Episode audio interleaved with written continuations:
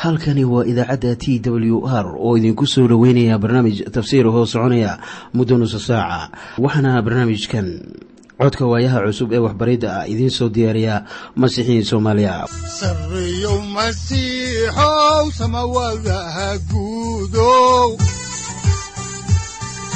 Siraadkii adduunkow subanaha eebow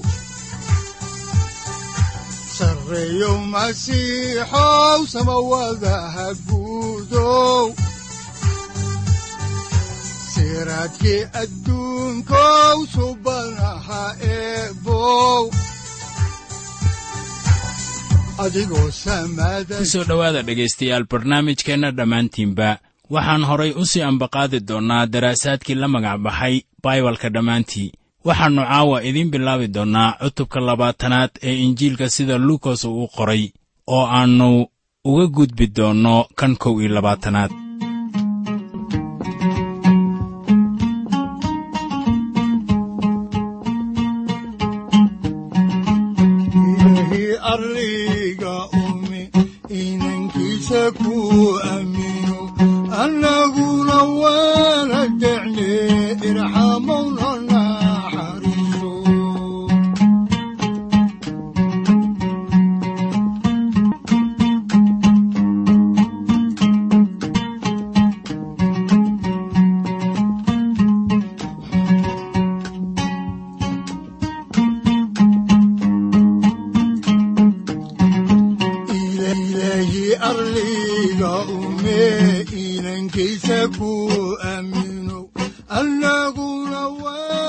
markii noogu dambaysay waxaannu soo gunaanadnay cutubka sagaal iyo tobanaad oo aynu si baahsan kaga faalloonnay toobadkeenkii sakhaayos oo madax u ahaa canshuurqaadayaasha waxaan kaloo ka hadalnay masaalkii tobanka mina oo u dhigmaysay boqol daragmo oo lacag ah.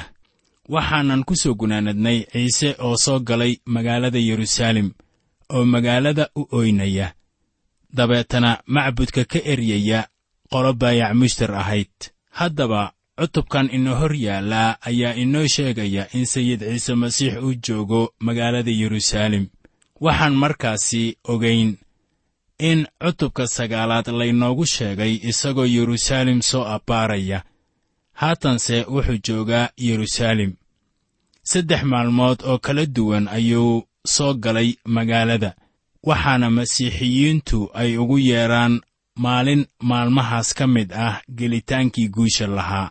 Ha yeeshee hal habeen ma aannu seexan magaalada yeruusaalem. Magaalada ayuu u ooyey. Maalintii xigtayna macbudka ayuu ka eriyey kuwii wax ku hor iibinayey. Iminka ayaannu arki doonnaa dooddii ugu dambaysay ee dhex martay isaga iyo madaxdii diinta. Awooddiisa ayaa su'aal layska weydinayaa taasoo markaasi sababtay in sayidku uu kula hadlo iyaga masaalka caanka ah ee loo yaqaanno masaalkii beerta canabka. Dabeetana waxay weydinayaan sida uu u arko in canshuur la siiyo kaysar. Nimanka sadukiinta la yidhaahdo oo ah niman furfuran oo yuhuud ah oo aan aaminsanayn malaa'igaha iyo awoodaha rabbaaniga ah ayaa weyddiiyey wax ku saabsan sarakicidda kuwii dhintay. Ugu dambayntana su'aal buu weydinayaa culimmada taasoo ku saabsan ciddii uu ahaa masiixa. Waxaase aynu ku bilaabaynaa maaddadan hore ee ah iyadoo su'aal layska weydinayo awoodda ciise. Haddaan si toos ah idinku bilowno kitaabka ayaannu haatan eegaynaa injiilka sida luukas uu u qoray cutubka labaatanaad aayadaha kow ilaa saddex waxaa qoran sida tan. Maalmaha middood intuu ciise dadka macbudkii wax ku barayey oo injiilka kaga dhex wacdinayey waxaa dhacday in wadaaddada sare iyo culimmada ay ula yimaadeen waayeellada oo ay la hadleen oo ay ku yidhaahdeen noo sheeg amarkeebaad waxaan ku samaysaa oo yuu yahay kan amarkan ku siiyey. Markaasuu u jawaabay oo uu ku yidhi anigu hal baan idin weydinayaa iina sheega. Ciise macbudka ayuu maalin waliba imaanayaa oo dadka wax barayey ilaa laga soo gaaro maalinta ay qabteen oo ahayd munaasabaddii ciidda kormaridda. Wuxuu haddaba isticmaali jiray habkii sokrates oo ahaa filosofi caan ah taasoo su'aal waliba uu uga jawaabayo su'aal kale. Aayadda afaraad ayaa waxay leedahay baabtiiskii yooxanaa ma wuxuu ka yimid xagga jannada mase dadka. Taasi markaa waa hal su'aal oo madaxdii diinta ayaan ka jawaabi karin balse haddii ay ka jawaabaan iyagu unbaa is-eedaynaya waxay markaasi ahayd inay ka tallaabsadaan jidgooyada hortaalla oo ay jawaab la yimaadaan. Haddaan halkaasi ka sii wadno kitaabka ayaannu eegaynaa injiilka sida luukas uu u qoray cutubka labaatanaad aayadaha shan ilaa siddeed.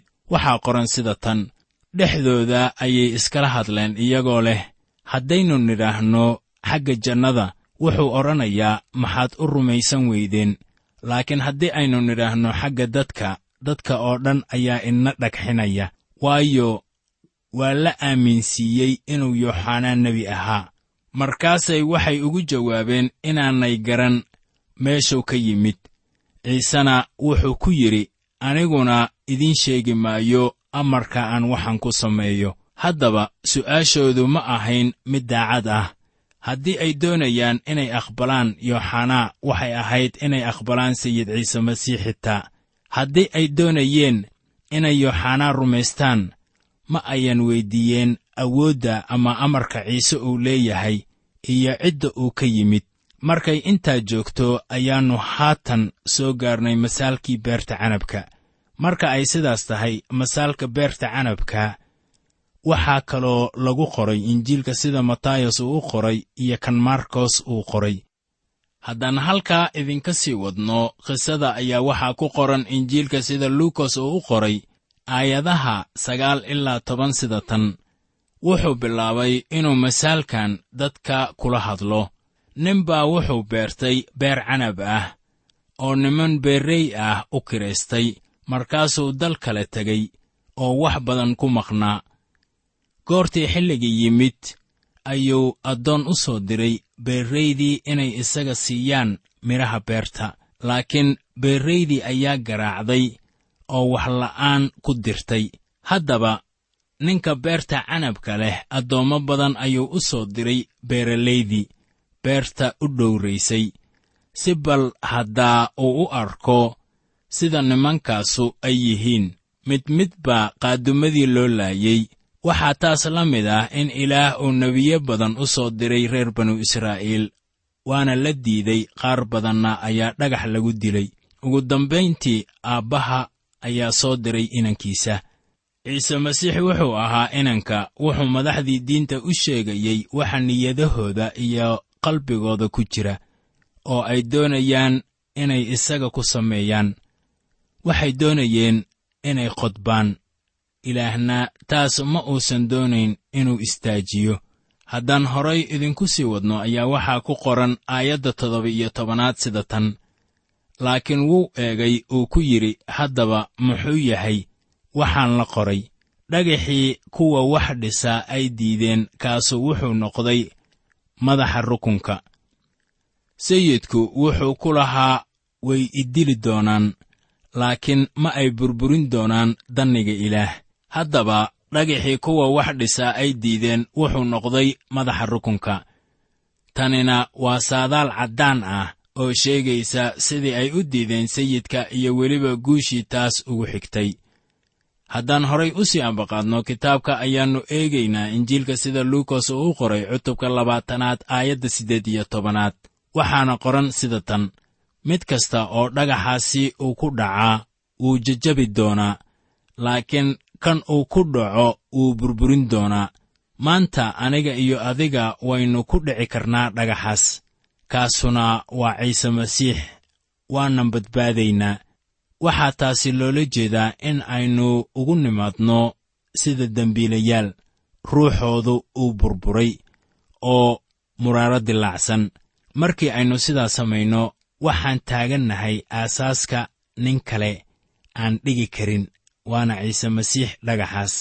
Rasuul bawlos oo ka faalloonaya taas ayaa ugu sheegay reer korintos warqaddiisii koowaad. Markaasoo uu lahaa sida ku qoran cutubka saddexaad aayadda kow iyo tobanaad. Waayo ninna ma dhigi karo aasaas kale kan la dhigay mooyaane oo ah ciise masiix.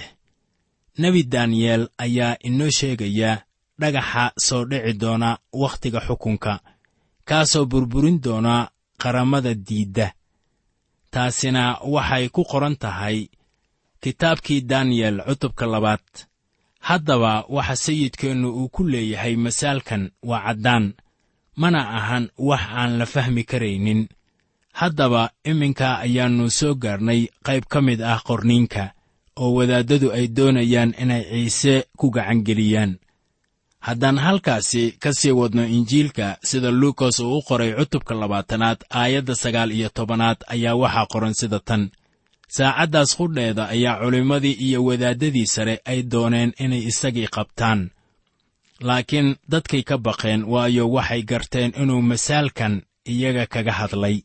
Waxaan arkaynaa in hoggaamiyeyaashii diinta ay garteen hadafka iyo ujeeddada masaalkan marka dhibaatadu waxa weeye in dad badan oo dunideenna jooga maanta ayaan garanin waxyaabihii ciise uu ka hadlay ama mas'alooyinkiisii. Haddaan horay idinku sii wadno qisadan inoogu qoran injiilka ayaannu eegaynaa cutubka labaatanaad aayadda kow iyo labaatanaad. Waxaana qoran sida tan markaasay weyddiiyeen oo ay ku yidhaahdeen macallimow waxaannu ognahay inaad si hagaagsan wax u tidhaahdo oo wax u bartid oo aanad ninna u eexan laakiin aad jidka ilaah run ku bartid. Haddaba hadalkan si munaafaqnimo ayay ku yidhaahdeen. Walow uu run ahaa markaasay waxay yidhaahdeen sida ku qoran injiilka sida luukas uu u qoray aayadda laba iyo labaatanaad ee cutubka labaatanaad. Waxaa qoran sida tan ma xalaal baa inaannu cashuur kaysar siinno ama inaanan siinin? Kuwa su'aashan weyddiiyey ciise waxay ahaayeen herodosiin kuwaasoo doonayey inay ka takhallusaan kaysar oo ay madax uga dhigaan dhulka israa'iil herodos weli waxaannu bartamaha kaga jirnaa kitaabka axdiga cusub injiilka sida luukas uu u qoray cutubka labaatanaad aayadaha saddex iyo labaatan ilaa afar iyo labaatan waxaana qoran sida tan.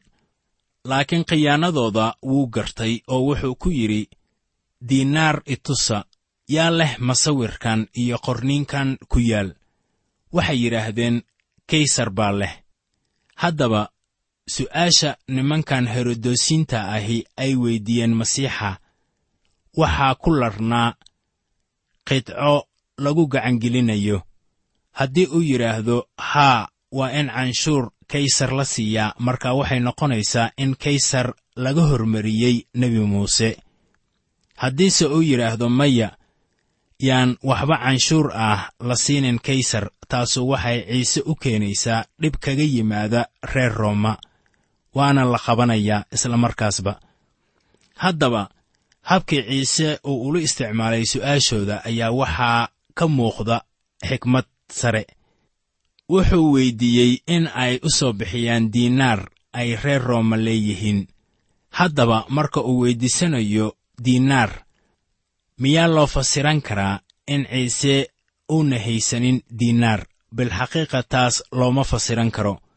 Haddaan horay u sii ambaqaadno kitaabka ayaannu eegaynaa injiilka sida luukas uu u qoray cutubka labaatanaad aayadda shan iyo labaatanaad.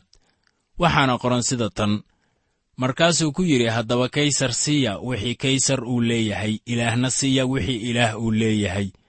Haddaba berigaas waxaa dhulka falastiin laga isticmaali jiray lacagta embaradorkii reer rooma. Rooma waxay keentay ama ay ku soo kordhisay dhulkaasi faa'iidooyin iyo maamuusyo door ah. Reer rooma waxay kaloo dhowri jireen sharciga iyo kala dambaynta oo waxayna kaloo dhowri jireen xasiloonnida waxay waddooyinka ka ilaalin jireen dooxatooyinka. Waxayna had iyo goorba ilaalin jireen dekedaha waddammada xukunkooda hoos yimaada. Waxaana kaloo ay lahaayeen lacag ay iyagu samaysteen kaysarna wax baa u soo socday. Ilaah baa wax u haya isaga xitaa. Wuxuu keenay in waddooyinka la qurxiyo waddooyinka la iftiimiyo oo biyana dadka loo helo. Waxaa intaasi u suuro gelisay lacagtan uu imberadoorku samaystay. Waxaan leennahay laba mas'uuliyadood oo hareero socda nolosheenna. Dadka waxay leeyihiin mas'uuliyadda ka saaran dunidooda iyo tan ilaah uu ku faral yeelay. Labadaasuna waa mas'uuliyadda muuqata ee maalin waliba ina saaran iyo tan ruux ahaaneed ee ilaah xaggiisa laga doonayo. Haddaba carruurta ilaah waa inay canshuur bixiyaan. Waa dadka ilaah ka cabsada e kuweenna socotada ku ah dunidan waa inaannu maal ku urursanno xagga jannada. Haatanna waxaynu soo gaarnay maaddo kale oo ku saabsan su'aal kale oo nimanka sodokiinta la yidhaahdo ay weydinayaan ciise masiix waxay doonayaan inay wax ka ogaadaan waxyaabaha quseeya sarakicidda haddaan xigashada kitaabka halkeedii idinka sii wadno ayaannu eegaynaa injiilka sida luukas uu u qoray cutubka labaatanaad aayadaha toddoba iyo labaatan ilaa siddeed iyo labaatan. Waxaana qoran sida tan. Waxaa u yimid qaar sodokiin ah kuwii odhan jiray sarakicidda kuwii dhintay ma jirto. Oo waxay weyddiiyeen oo ay ku yidhaahdeen macallimow muuse wuxuu noo qoray nin walaalkiis hadduu dhinto isagoo naag leh oo aan carruur lahayn walaalkiis naagtiisa waa inuu dumaalo oo uu carruur walaalkiis u dhalo. Haddaba xeerkan wuxuu ku qoran yahay cutubka shan iyo labaatanaad aayadaha shan ilaa lix ee kitaabka sharciga ku noqoshadiisa ah. Wuxuu u muuqdaa sharci aan caadi ahayn laakiin waxaannu ku arki doonnaa isagoo ficil ah kitaabka ruut haddaan horay u sii ambaqaadno injiilkan ayaannu eegaynaa cutubka labaatanaad aayadaha sagaal iyo labaatan ilaa saddex iyo soddon. Waxaana qoran sida tan. Haddaba waxaa jiray toddoba walaalo ah. Kii ugu horreeyey naag buu qabay wuuna dhintay carruur la'aan. Kii labaadna wuu guursaday oo kii saddexaadna waa dumaalay. Sidaasay toddobadii wada guursadeen. Carruurna kama ay tegin wayna dhinteen kulligood dabadeed naagtiina waa dhimatay. Haddaba wakhtiga sara kicidda kuwii dhintay iyaga. Keebay naagtiisa ahaan doontaa waayo toddobaduba way wada guursadeen. Bilxaqiiqa su'aashoodan munaasab ma ahan waana mid aan meelna haysan ha yeeshee. Bal eeg sida loogu jawaabay. Markaan eegno injiilka sida luukas oo u qoray cutubka labaatanaad aayadaha afar iyo soddon ilaa lix iyo soddon waxaana qoran sida tan. Ciise wuxuu ku yidhi wiilashii wakhtigan waa guursadaan guurna waa la siiyaa laakiin kuwa loo xisaabay inay istaahilaan inay gaadhaan wakhtigaas iyo ka soo sarakicidda kuwii dhintay ma guursadaan guurna lama siiyo. Waayo kol dambe ma dhiman karaan. Maxaa yeelay waxay yihiin sida malaa'igaha oo waxay yihiin wiilashii ilaah iyagoo ah wiilashii sarakicidda sodokiintana waxay la yimaadeen su'aal kale.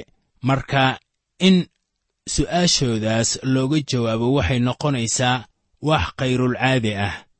Sodokiinta waxaa lagu tiriyaa inay yihiin niman furfuran oo la mid ah qolyaha aqwaanka. Farrisiintana waxaa lala barbardhigi karaa nimanka asal raaca ah markaana sodokiintu ma ayan rumaysnayn waxyaabaha mucjisada ah. Markaana weliba ma ayan rumaysnayn sarakicidda nolosha. Waa marka la gaaro wakhtiga dhammaadkiisa ee ilaah uu u yeedho addoommadii ka cabsan jiray oo loo abaalgudayo iyo weliba kuwii aan dan ka geli jirin oo iyana la abaalmarinayo. Wixii ay masiixa hor keeneenna in kastoo ay ku dahaareen sharciga ayaan ahayn wax micno leh. Haddaba sodokiintu waxay soo shaacbaxeen saddex boqol oo sannadood ka hor dhalashadii masiixa. Badankoodana waxay ahaayeen wadaaddadii sare iyo niman ku dhow macbudka. Waxay ahaayeen niman hantiilayaal ah oo hodan ah. Waxaa taas la mid ah kuwa lacagta leh maanta diin waliba ha haystaane. Waa niman furfuran waxaana taasu ay inoo sheegaysaa in dabeecadda bini'aadamku ayaan isbeddelin marka la eego wakhtigii sayidkeenna ilaa iyo maalinka maanta ah. Haddaba sadokiintu waxay diidanaayeen mucjisooyinka rabbaaniga ah waxayna macaanigii ka qaadeen qorniinka ka hadlaya mucjisooyinka waxay lid ku ahaayeen farrisiinta oo iyagu rumaysnaa waxyaabaha rabbaaniga ah ee ilaah in kastoo ay muxaafid ahaayeen. Haddaba farrisiinta oo ay la socdaan sadokiinta ayaa mas'uul ka ahaa silcintii sayid ciise masiix. Kadib markii sayidka la dilay farrisiinta way isaga baxeen inay silciyaan kuwa raacsan masiixa. Haddaba sadokiinta ayay ahaayeen kuwa sida ba'an ula dagaalamayay kiniisadda waxaad xaalkaasi ka akhrin karaysaa kitaabka falimaha rasuullada cutubka saddexaad ilaa iyo kan afaraad. Markaana sara kicidda ciise masiix ayaa sadokiinta ku noqotay laf dhuun mari weyday. Waxaana la mid ah qolyaha furfuran ee diimaha qaar. Ha yeeshee farrisiin badan ayaa soo raacay hadalka. Waxaana ka mid ahaa nikodimos sida ku qoran falimaha rasuullada cutubka lixaad aayadda toddobaad oo leh qayb ahaan oo tiro badan oo wadaaddo ahina iimaanka yeeleen. Waxaase caado noqotay in kuwo badan oo ilbax ah ay ka hor imaanayaan kuwaasuna waa kuwa leh dabeecadda kuwa najaxay oo innaba aan u baahnayn inay maqlaan hadalka ilaah. Waxayna la tahay waxa ay maqleen inuu yahay baaq aan baaq kale ka dambayn. Haddaba dadku waxay ka doorbideen inay magac yeeshaan intii ay ilaah u adeegi lahaayeen. Qaar ka mid ah xertii ciise ayaaba doortay adduunyo intii ay u marag furi lahaayeen sayidka. Waxaanan ognahay in yudas iskariyot gacangeliyey ciise masiix oo butrosna uu inkiray ha yeeshee butros uu u soo noqday masiixa. Haatanna waxaynu soo gaarnay maaddadii ugu dambaysay oo ah ciise oo culimmada weydinaya su'aal sayidku wuxuu haatan soo koobayaa waxweyddiin ogaalka uu isagu bilaabay isagoo xerta weydinaya su'aal wuxuuna leeyahay. Sida ku qoran injiilka sida luukas uu u qoray cutubka labaatanaad aayadaha sagaal iyo soddon ilaa toddoba iyo afartan. Waxaana qoran sida tan. Culimmada qaarkood ayaa u jawaabay oo ku yidhi macallimow si wanaagsan ayaad u hadashay. Kol dambe kuma ay dhicin inay wax weyddiiyaan wuxuuna ku yidhi sidee bay u yidhaahdaan? Masiixu waa ina daa'uud. Daa'uud qudhiisa ayaa kitaabkii zabuuradda ku leh. Rabbigu wuxuu sayidkayga ku yidhi midigtayda fadhiiso ilaa aan cadaawayaashaada cagahaaga hoostooda geliyo. Haddaba daa'uud ayaa ugu yeedhay sayid ee sidee buu wiilkiisa u yahay? Dadkii oo dhan oo maqlaya ayuu xertiisii ku yidhi. Iska jira culimmada oo doonaya inay khamiisyo dhaadheer ku socdaan oo jecel salaanta suuqa iyo kursiyada hore ee sunagoga iyo meelaha hore oo diyaafadaha kuwa wada laasta guryaha carmaladda oo tukashooyin dhaadheer istusid u tukada. Kuwaas waxay heli doonaan xisaab aad u daran.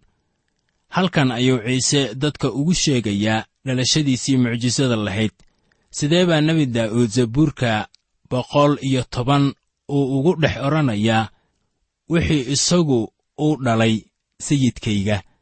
Waa hagaag habka keliya ee uu sidaas ku odhan karo waxa weeye inuu ahaa oo keliya sayidka. Sida keliya ee uu sayidka ku noqon karana waxa weeye inuu ahaa inankii daa'uud. Markaana waa qasab inuu ahaa wiil bikrad ka dhashay oo ah wiilkii ilaah. Kaasuna waa cashar weyn oo sayidkeennu uu ina barayo. Waxaadse ogaataa in ciise si caddaan ah uu ugu soo xigtay zabuurka boqol iyo tobanaad isagoo ka hadlaya nebi daa'uud wuxuu leeyahay daa'uud wuxuu qoray zabuurka iyadoo uu saaran yahay ruuxa quduuska ah. Ciisena wuxuu leeyahay zabuurkan wuxuu ka hadlayaa wax isaga ku saabsan. Waa masiixa ah haatanna waxaannu si dawaale ah idinku bilaabaynaa cutubka kow iyo labaatanaad. Cutubkan kow iyo labaatanaadina waa qaybta waxyiga ah ee injiilka sida luukas uu u qoray inkastoo uu la xidhiiro khudbadii buur saytuun ee matayos iyo markosba ay qoreen. Ha yeeshee waxaa muuqanaya inay kala duwan yihiin marka laysku barbardhigo injiilka sida matayos uu u qoray wuxuu ina siinayaa saddex su'aal oo ay xertu weyddiisay sayid ciise. Kow goorma ayaa waxa kanu ay dhacayaan. Waa marka aan dhagax dhagax dul saaran loo dayn doonin. Labo maxay noqon doontaa calaamadda imaatinkaaga saddex iyo wakhtiga dhammaadkiisa waxaana su'aashaasu ay ku qoran tahay injiilka sida matayos uu u qoray cutubka afar iyo labaatanaad aayadda saddexaad. Markaana cutubka ina hor yaalla wuxuu ka jawaabayaa hal su'aal oo ka mid ah saddexdaas su'aalood. Markaana hal arrin buu luukos adkaynayaa mana uu doonayo inuu taasi ka dhigo sida wax isagu uu mala awaalayo. Laakiin wuxuu u muujinayaa sida inay tahay waxyi ficil ah oo aan laablaab ahayn. Waayo badanaa waxyaabihii uu qoray luukos ayaan haatan ahayn waxyi. Waxayse noqdeen wax horay loo soo arkay. Waxaana waxyigaasi la kaamilay toddobaatan sannadood kadib dhalashadii ciise masiix. Waxaanse haatan ku bilaabaynaa maaddada ugu horraysa ee ah ciise oo eegaya sida dadku ay wax uga bixinayaan macbudka oo welibana ammaanay haweenay carmal ah oo wax baxsatay. Haddaan markii ugu horraysay idiin bilowno cutubka kow iyo labaatanaad ayaannu eegaynaa aayadaha kow ilaa afar. Waxaana qoran sida tan. Kor buu u eegay oo wuxuu arkay kuwa hodanka ah oo hadiyadahoodii qasnadda ku ridaya. Wuxuuna arkay carmal miskiin ah oo meeshaas laba lacag ah oo yar yar ku ridaysa. Markaasuu yidhi runtii waxaan idinku leeyahay carmalkan miskiinta ah. Waxay ku riday wax ka badan wixii ay dhammaan ku rideen. Waayo kuwaasu oo dhan waxoodii badnaa ayay wax kaga rideen. Hadiyadaha iyaduse miskiinnimadeeda waxay kaga riday wixii ay ku noolaan lahayd oo dhan adigoo samaada jiro ifkaan soo saldhiganba adigoo samaada jiro ifkaan soo saldhiganba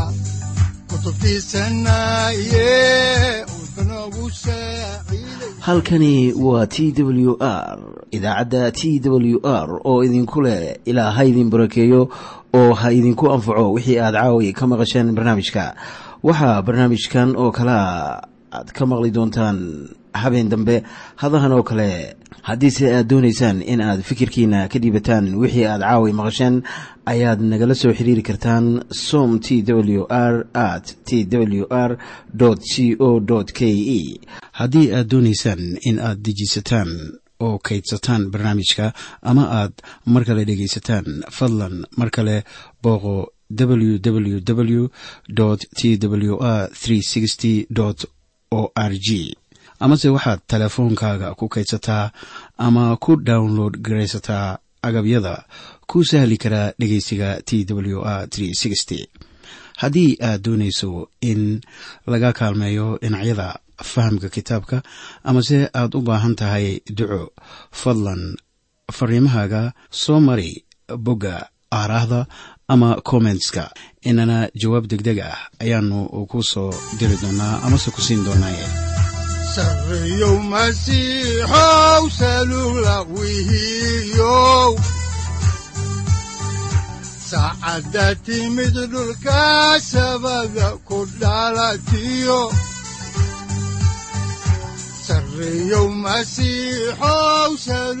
halkani waa t w r oo idiin rajaynaya habeen baraare iyo barwaaqaba leh inta aynu ka gaari doono wakhti aynu ku kulanno barnaamij la mida kan caawayay aad maqasheen. Waxa aan idinku leeyahay nabadda ciise masiix ha idinku badato xagga jidhka iyo ruuxaba. Aamiin